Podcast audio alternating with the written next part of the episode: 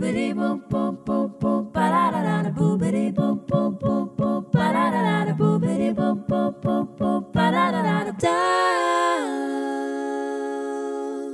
lytter til Filibuster, forskningspolitikks podkast om et samfunn i endring.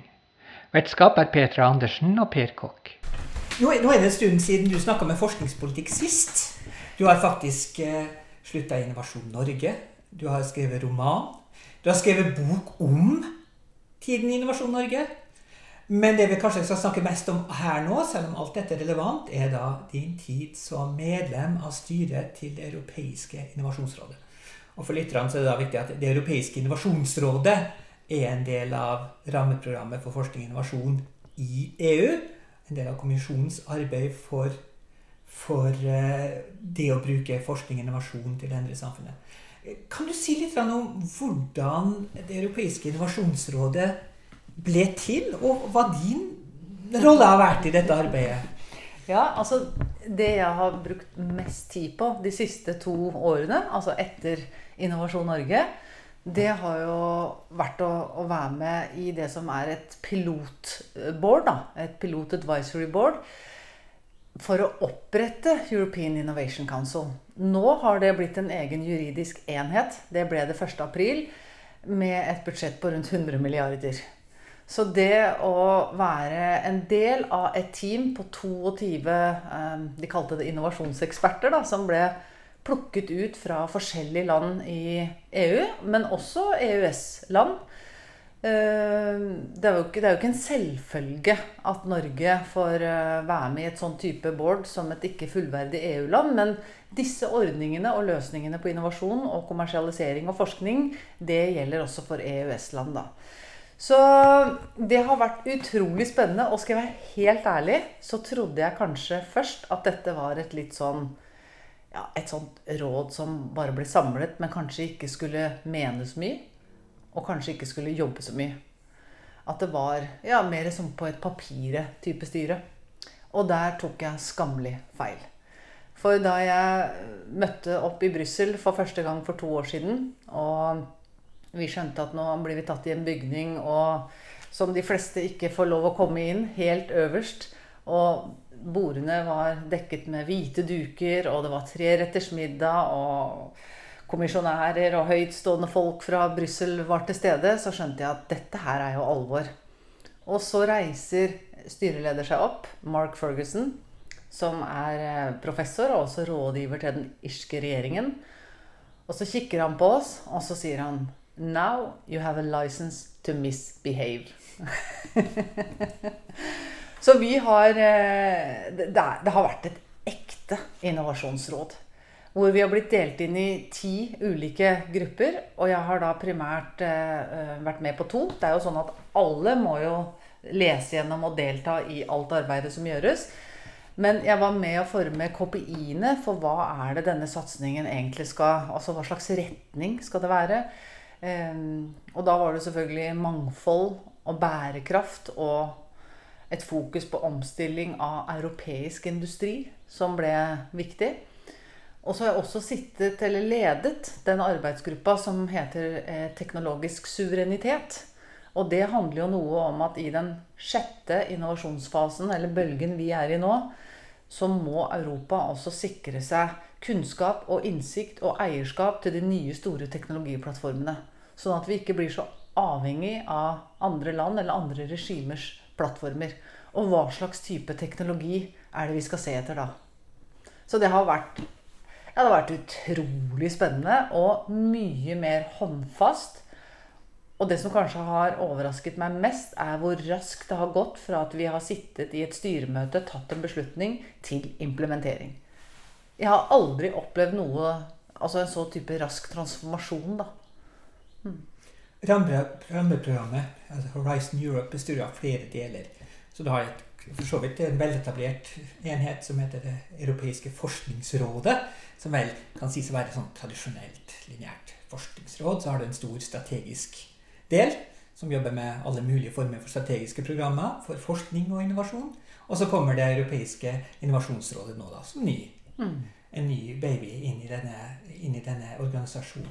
Hva er det som er nytt med Innovasjonsrådet. Hvorfor trengte EU-kommisjonen et sånt råd nå? Kunne ikke dette vært dekket av de andre? Jeg tror det var en, en, dyp anerkjennelse av at de fleste land i Europa sliter med det samme. Og det er å skalere oppstartsbedrifter. Og også å kapitalisere på all den gode forskningen som vi har gjort i så mange år.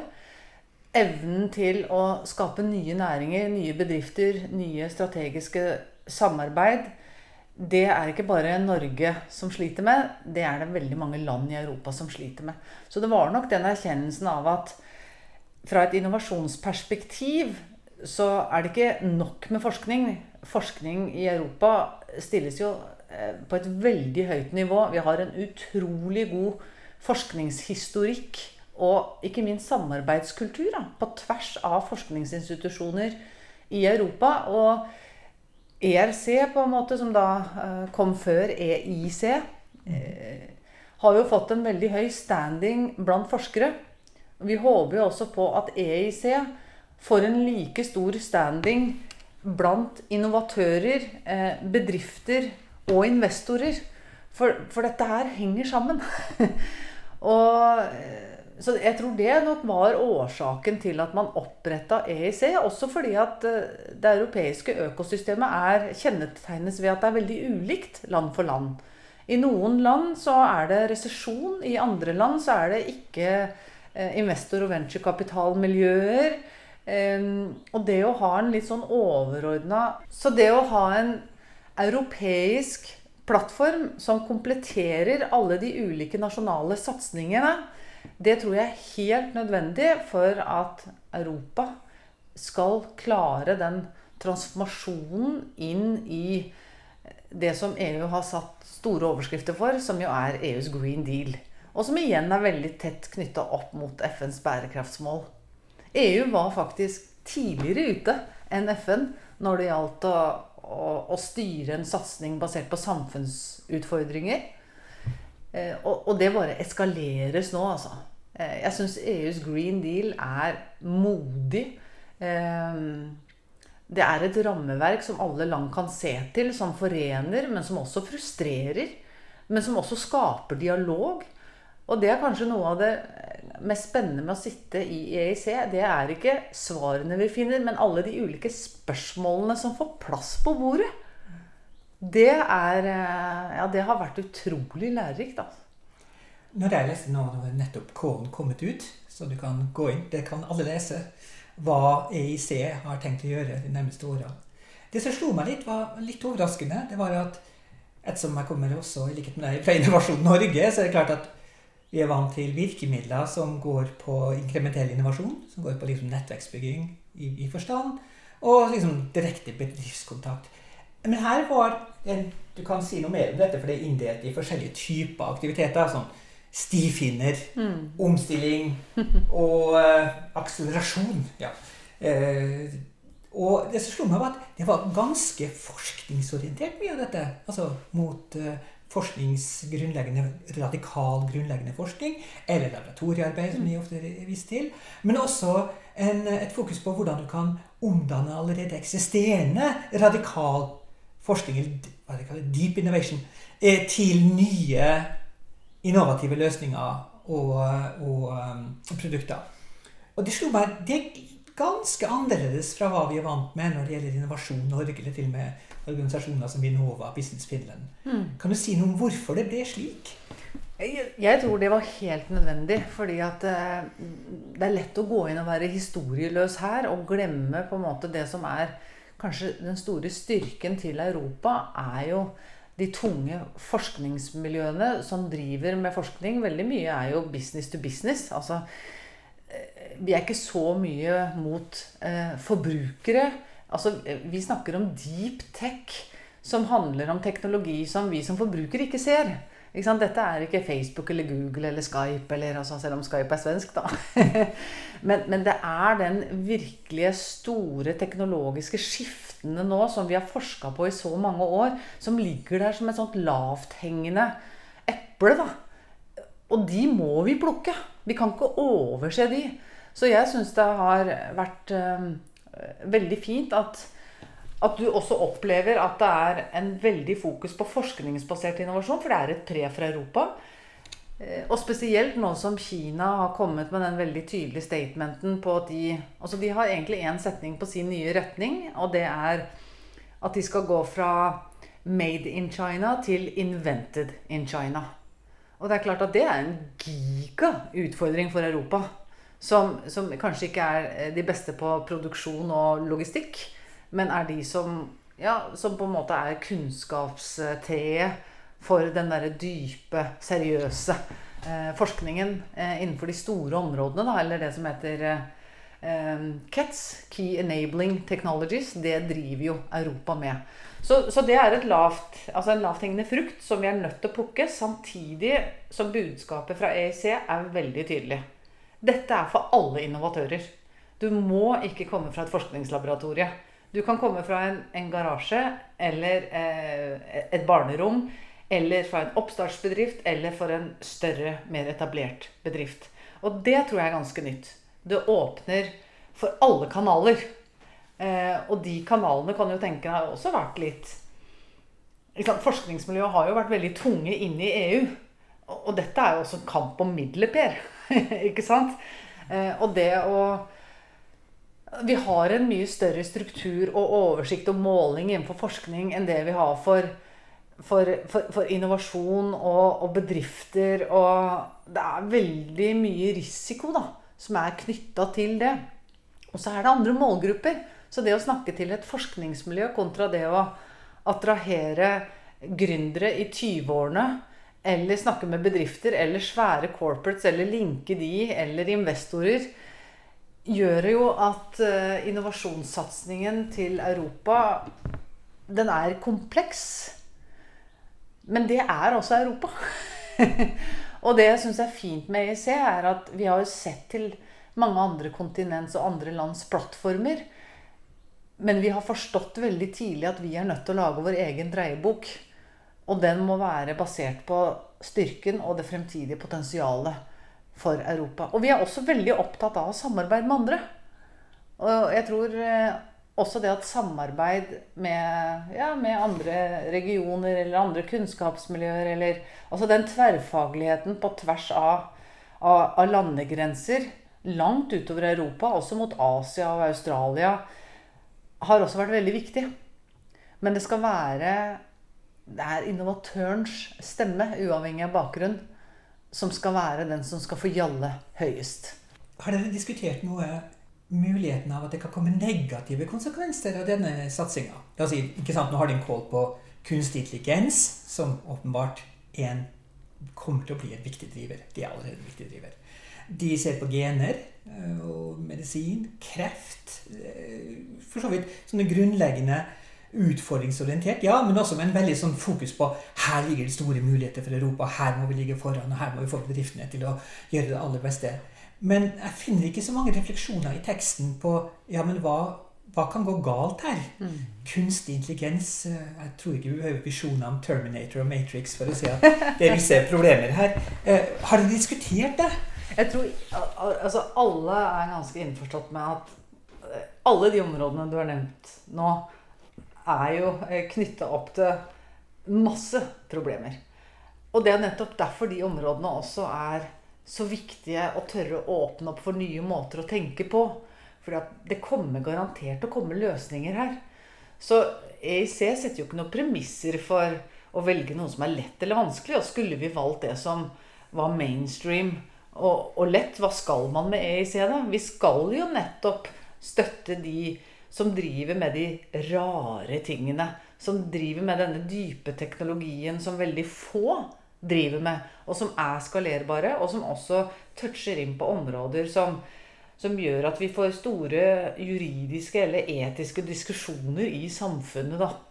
Så jeg, jeg mener jo at Europa da leverer på sin rolle ved å tørre å åpne opp for det uten å fortelle om alt som kan gå gærent først. Jeg tror de har forstått at innovasjoner og det å jobbe med innovasjon handler om at veldig mye skal gå gærent. Hvor ser du Norge i dette? Havet er jo blitt en satsingsområde i EU, bl.a. Hav og vann. Mm. Eh, men det er mye annet. Hvor tror du med din bakgrunn nå da fra Innovasjonsrådet, hvor tror du norske bedrifter, men for så vidt også policyutviklere, bør fokusere? Altså Norge har jo først og fremst gjort seg særs bemerket. Og det er jo ganske interessant. Et, eh, et lite land som oss.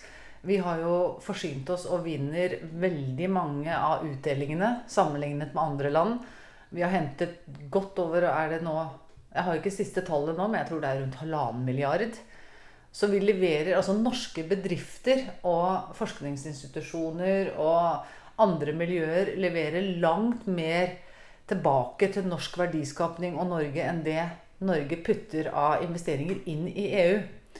Og så er det sånn at vi kommer ikke til å klare oss uten et større samarbeid med andre. Fordi vi har jo hatt en særposisjon som olje- og gassnasjon i 50 år snart. Eh, som har gitt oss noen privilegier og noen muligheter og en BNP som er helt hinsides. Nå vet vi at det ikke kommer til å vare for evig. Vi vet at det er en realitet.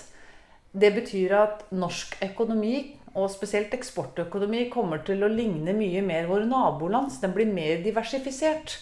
Så hvis du ser på eksportøkonomien til Sverige, som er jo Altså kartet der er jo fordelt på veldig mange ulike næringer, mens i Norge så er hva var det i underkant av 60% av eksportøkonomien vår kommer fra olje- og gassnæringen.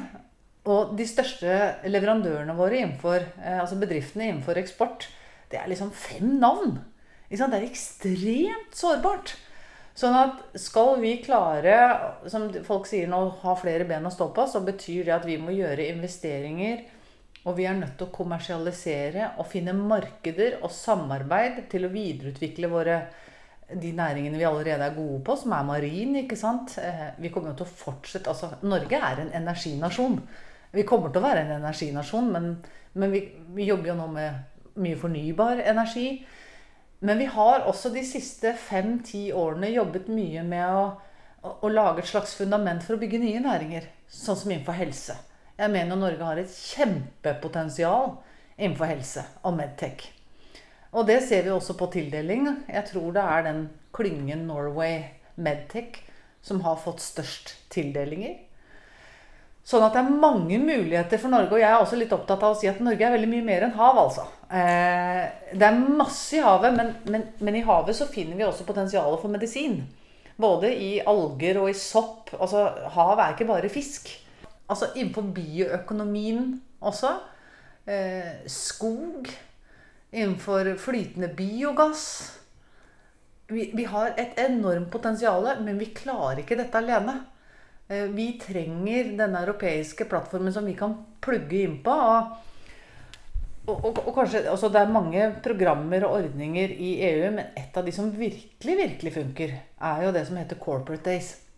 Og det, der er det sånn at EU eh, de eh, har et samarbeid eller plukker ut noen av Europas største bedrifter. Gjerne sånn som har 100 000 ansatte.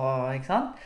Som da er i omstilling. Og så kobler de på et sett, alt fra liksom 10 til 20 eh, oppstartsbedrifter eller SMB-bedrifter som er norske.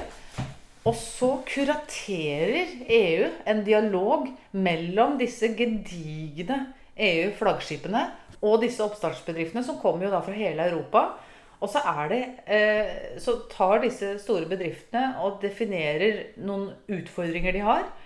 Så kobles de opp med disse teknologimiljøene. Og så er det pitching og dialog, og dette har jeg vært med på flere ganger. Og tiden fra denne oppstartsbedriften eller SMB-bedriften viser fram sin idé med EU under på en måte et EU-flagg, det skaper også en trygghet for begge parter. Så har det resultert i kontrakter etter bare tre-fire måneder. Og er det noe vekstselskaper og gründere trenger, så er det kunder og tilgang til marked. Og få lov å teste ting og pilotere. Og det syns jeg er kjempespennende. Norge klarer ikke aleine å gjøre dette her. Det at EU gjør dette eh, og fasiliterer dette, syns jeg er eh, kjempebra. Så EU kan på måte, mange måter spille en viktig rolle i overgangen fra særstilling til ja. omstilling. Eh, men, det er bra timing for Norge, fordi at nå som vi holdt på å si er i en omstilling i norsk økonomi, at EU da, for første gang vil jeg si på ganske lenge, er så modig, går ut med Green Deal, kommer med liksom verdens største forskning og innovasjonsprogram. Vi kunne ikke ønske oss en bedre timing. Og så må jo vi jobbe med, med å knytte norsk industri og næringsliv enda tettere opp mot EU. Fordi at forskningsmiljøene i Norge Per, er jo kjempegodt kjent med EU. Men det er ikke næringslivet. Og der har vi en, en, jobb å gjøre de neste årene som vi har gjort ganske bra, vil jeg si. Både Forskningsrådet og NTNU og universitetene og Innovasjon Norge og UD. Det er mange som har jobba for det. Men vi har så vidt skrapt i overflaten av potensialet. Så kunne du da f.eks. tenke deg at den neste varianten av langtidsplanen for forskning og høyere utdanning faktisk hadde en strategi for hvordan du kobler de norske satsingene opp mot EU-satsingene?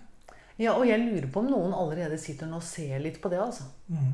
For jeg tror også det at eh, når EU nå tør å sette denne retningen vi, Jeg har jo skrevet litt om eh, hva jeg mener er liksom mangel på retningsforståelse. da, eh, Og også en mer sånn samordna, koordinert, mye sterkere innovasjonspolitikk i Norge. Nå leverer EU på det. Og det, da er det kanskje lettere for, for norske politikere å plugge seg inn der, da. Og vi som har jobba med det feltet her de siste fem-ti åra, har jo sett utviklingen. Men at EU går foran nå, det syns jeg er veldig, veldig bra. Og, og, det tror jeg vi trenger. Det er en annen interessant nyskaping innenfor Horizon Europe, som faktisk ligger utenfor selve Innovasjonsrådet, men som også ser veldig mye på innovasjon og innovasjonsråd og agencies rundt om i Europa. Den, den blir vel omkalt som en referanse til innovasjonsekosystemer. Økosystemer. Mm. Ehm, jeg skjønner at dette ligger utenfor det dere har jobba med direkte, men det er en del av det komplekse systemet som du har jobba i tidligere. Mm.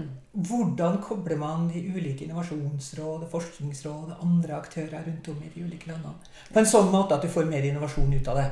Ja, og det har jo vært en av de store oppgavene vi har hatt i rådet også, det er jo å nettopp sikre den der gode dialogen både med ERC, men også EIT. Eh, tek teknologidivisjonen. Fordi at de er jo veldig forankra og har sin historikk i EU. Mens vi er på en måte utfordreren med innovasjonsperspektiv. Og du vet alle de diskusjonene der ja, men hvem eier egentlig innovasjonsbegrepet? Og det er masse innovasjon i forskning. og så jeg, altså jeg, tenker at innovasjon er paraplyen som ligger overalt. Jeg syns egentlig at veldig mye av det vi holder på med, burde bli kalt kommersialisering. Men så vet jeg også at ordet kommersialisering har noen negative assosiasjoner i ulike miljøer. Det er ikke noe brobyggende navn, da.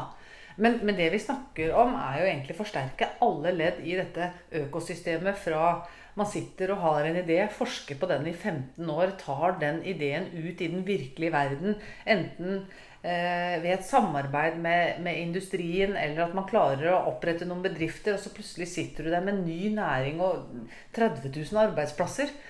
Altså Det er den skapelsen der, ikke bare å eh, henge fast ved de etablerte, gamle måtene å gjøre det på.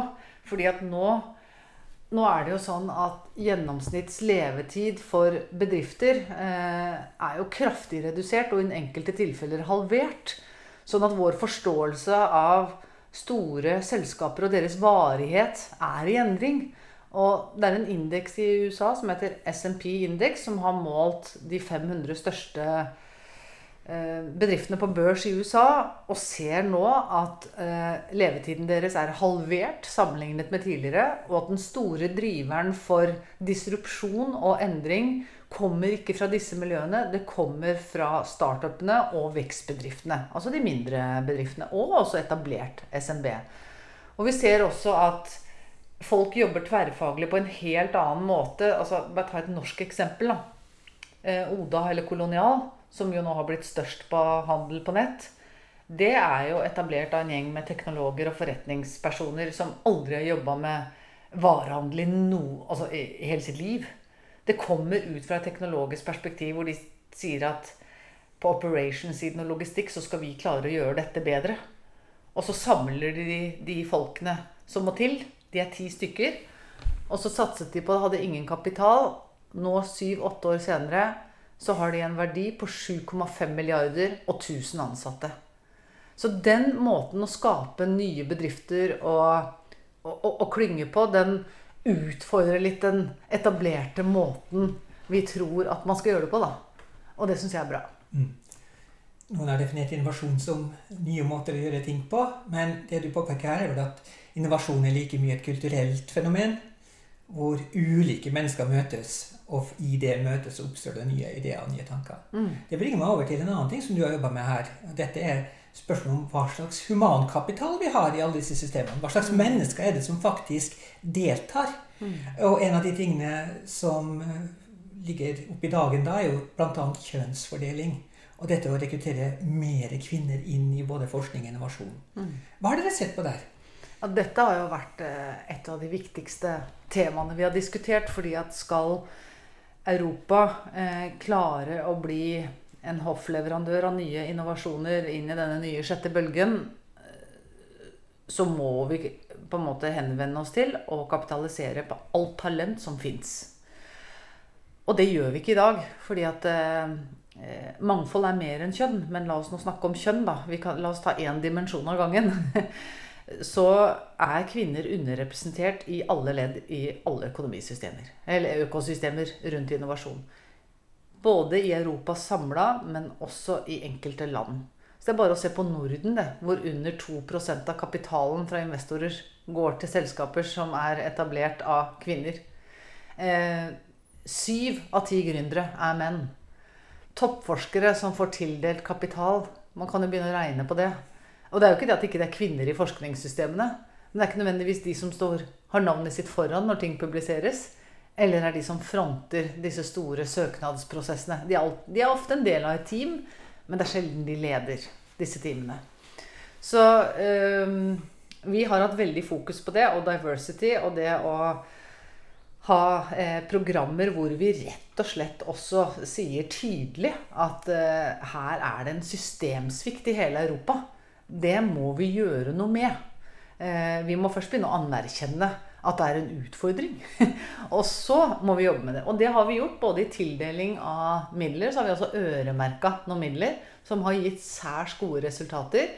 Og så er det også det med å bygge opp eh, rollemodell eh, og mentorskap. Fordi forskning sier at eh, spesielt for kvinner når det gjelder å ta risiko innenfor det å skape en bedrift eller på investorsiden, men sikkert også innenfor eh, akademia, så handler det om å, å, ta risiko og legge hodet sitt på blokka og kanskje gå inn i en kultur og et miljø eh, som handler om makt og maktkamper som det er lite innsikt i.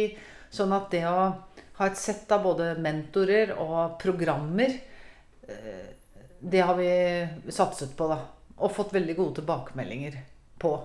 For det er ikke sånn at eh, Jeg har ikke sett, i hvert fall da, Per, noe forskning som sier at, eh, at det er noe forskjell på menn og kvinner i forhold til egnethet eller basisforutsetninger eh, for å forske på kompleksitet eller for å, å, å danne en eh, Altså lage et nytt selskap. Det er ikke noe forskjell der.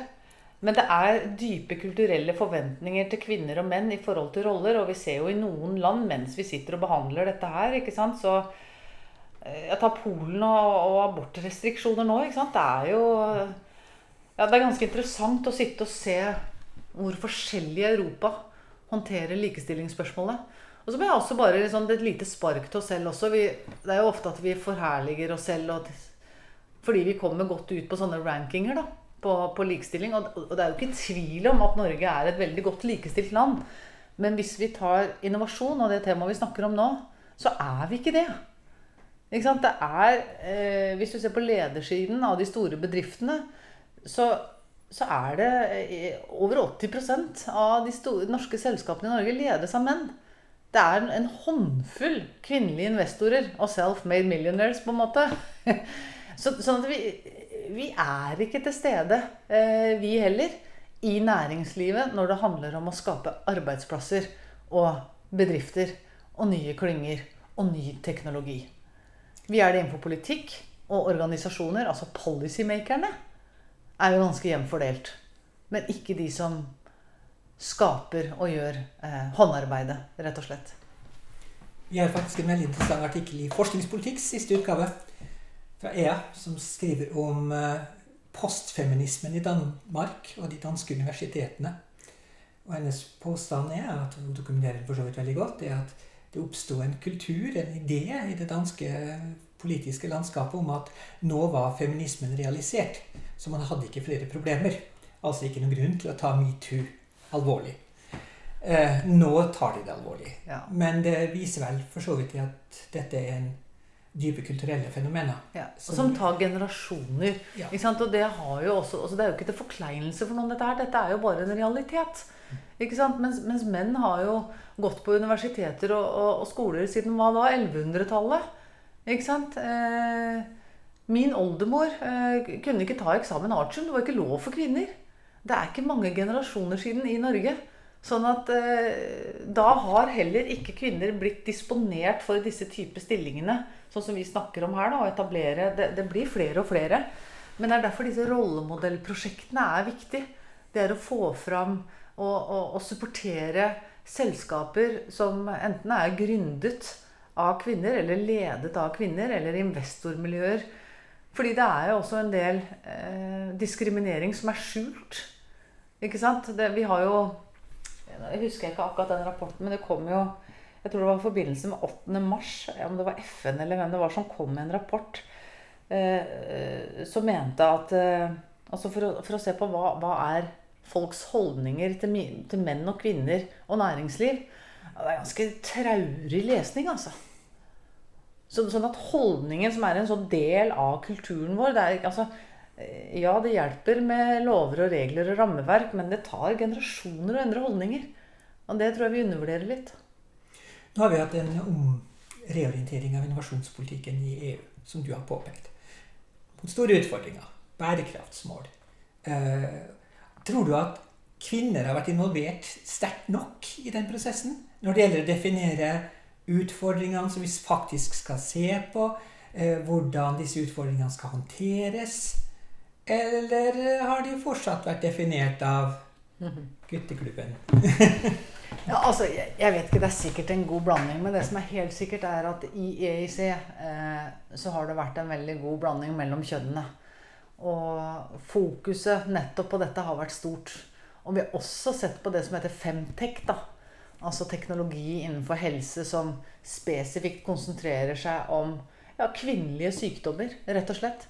Jeg leste jo også på forskning.no eh, altså rundt korona at eh, det her var vel helt i begynnelsen at de som var innlagt, det var menn.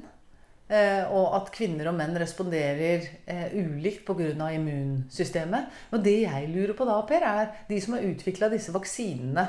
Har man utvikla disse vaksinene i forhold til kunnskap og innsikt om at menn og kvinner reagerer forskjellig på det, i og med at vi, vi håndterer sykdommen så ulikt? Det fins en stor litteratur på det, faktisk. Ja, Og man Ja. ser at veldig mye av medisinen opp til nå har vært bas- basert på mannskroppen. En av grunnene til det, bortsett fra det helt opplagte, det er menn som har vært forskere om, har vært dette med menstruasjon og tilsvarende. Ja. Kvinnekroppen er upålitelig. ja. Så du får ikke klare, enkle tallrekker som du kan bruke til å lage gode forskningsartikler. Dem ignorerer du i stor grad Veldig. de variasjonene som eh, kvinner har med. Da. Det er riktig. Ja. Det er et godt eksempel på Men jeg tror nok det er en vei å gå i EU på det også. Men at vi går i riktig retning, det er ikke tvil om. Det er jo bare også å se på lederen og Ursula. ikke sant? Og også lederen for forskning og innovasjon er jo også kvinne. Det er kjempefokus på og en forståelse for denne systematiske ulikheten, men også som du sier og påpeker så riktig, er at det, det, det gir altså direkte konsekvenser i forhold til hva vi velger å studere, hva vi velger å forske, hva vi velger å prioritere, hva vi velger å bygge opp. Men, og, og, fra næringslivssida så handler det også om fordeling av økonomisk makt, som jeg mener er viktig, da. Hva er det vi ikke har sett på nå? Nå tenker jeg på, nå har vi fått en ny utlysning fra Horizon Euro, Europa. Og vi har fått et europeisk innovasjonsråd. Og vi har fått en reorientering mot store utfordringer etc. Hva blir den neste utfordringen? Hva er det vi ikke ser?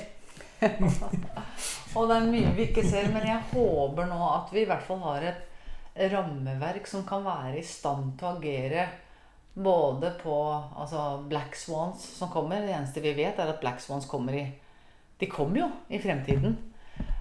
Og en test vi hadde på det, var jo egentlig når vi satt og utvikla EEC og utlysninger, og så kom korona. da snudde de altså på Da snakker vi timer med å rette utlysninger til alt som var relatert i forhold til å behandle korona. Både i forhold til den, eh, at vi ble isolert, og tekniske løsninger for at vi skulle være, eh, bli connecta til hverandre. Til vaksiner, selvfølgelig. Men også til eh, konsekvenser av korona i ettertid i forhold til forståelse av oppbygging av næringslivet, det offentliges rolle, politikernes makt. Hvordan kunne de utøve den? Vi så jo det det er jo blitt gjort forskjellig både i Sverige og Norge. ikke sant? Sånn at det viktigste er jo at vi har på plass noen systemer som gjør at vi kan agere ganske fort. Og det er kanskje min største observasjon ved å ha, ha jobbet så tett mot EU nå i forhold til kanskje de fordommene jeg hadde før jeg fikk reell innsikt. Og nå, nå skal det sies at jeg har veldig liten innsikt i EU-systemet. Jeg har jo bare på EIC. Sånn at det er nok veldig mange som har jobba med EU mange år, som ikke vil kjenne seg igjen i det jeg beskriver. Men nå har jeg nå jobbet med det nye og innovasjonsdelen, da. Men at det har fått lov til å eh, blomstre, det har, eh, ja, det har vært veldig overraskende positivt. Takk skal du ha. Gode innspill. Du, Tusen hjertelig takk. Det er så hyggelig å, å snakke med noen som vil snakke om EU. Og som vil snakke om innovasjon og innovasjonspolitikk. Det kommer vi til å fortsette med. Det skal det være. Dette har vært en episode av Filibuster, en podkast som utgis av fagbladet Forskningspolitikk og forskningsinstituttet NIFU. Vertskap er Petra Andersen og Per Kokk. Du finner mer om bladet og podkasten på fpol.no. Der kan du også abonnere på papirutgaven av Forskningspolitikk. Abonnementet er gratis. Kjenningsmelodien er fremført og komponert av Lene Andersen Vinje. Forskningspolitikk utgis med støtte av Norges forskningsråd. Boobity